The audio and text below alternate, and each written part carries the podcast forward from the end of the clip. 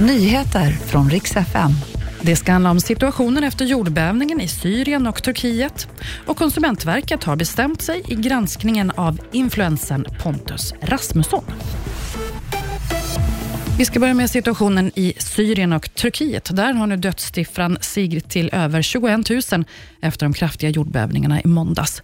Hjälparbetet fortsätter för fullt och med det så fortsätter tyvärr dödssiffran att stiga.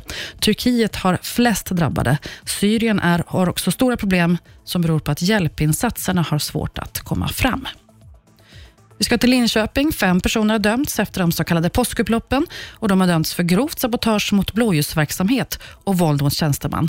Bland annat en 18-årig man dömdes till fyra års fängelse så ska om granskningen av influensen Pontus Rasmusson, för nu är det klart. Han har varit i blåsväder länge och blockerats från flera sociala medier.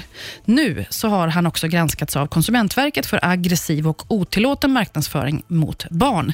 Men Pontus Rasmusson har lovat att bättra sig och han har också plockat bort inläggen och det här det tyckte myndigheten räckte. Så nu har de bestämt sig för att lägga ner ärendet.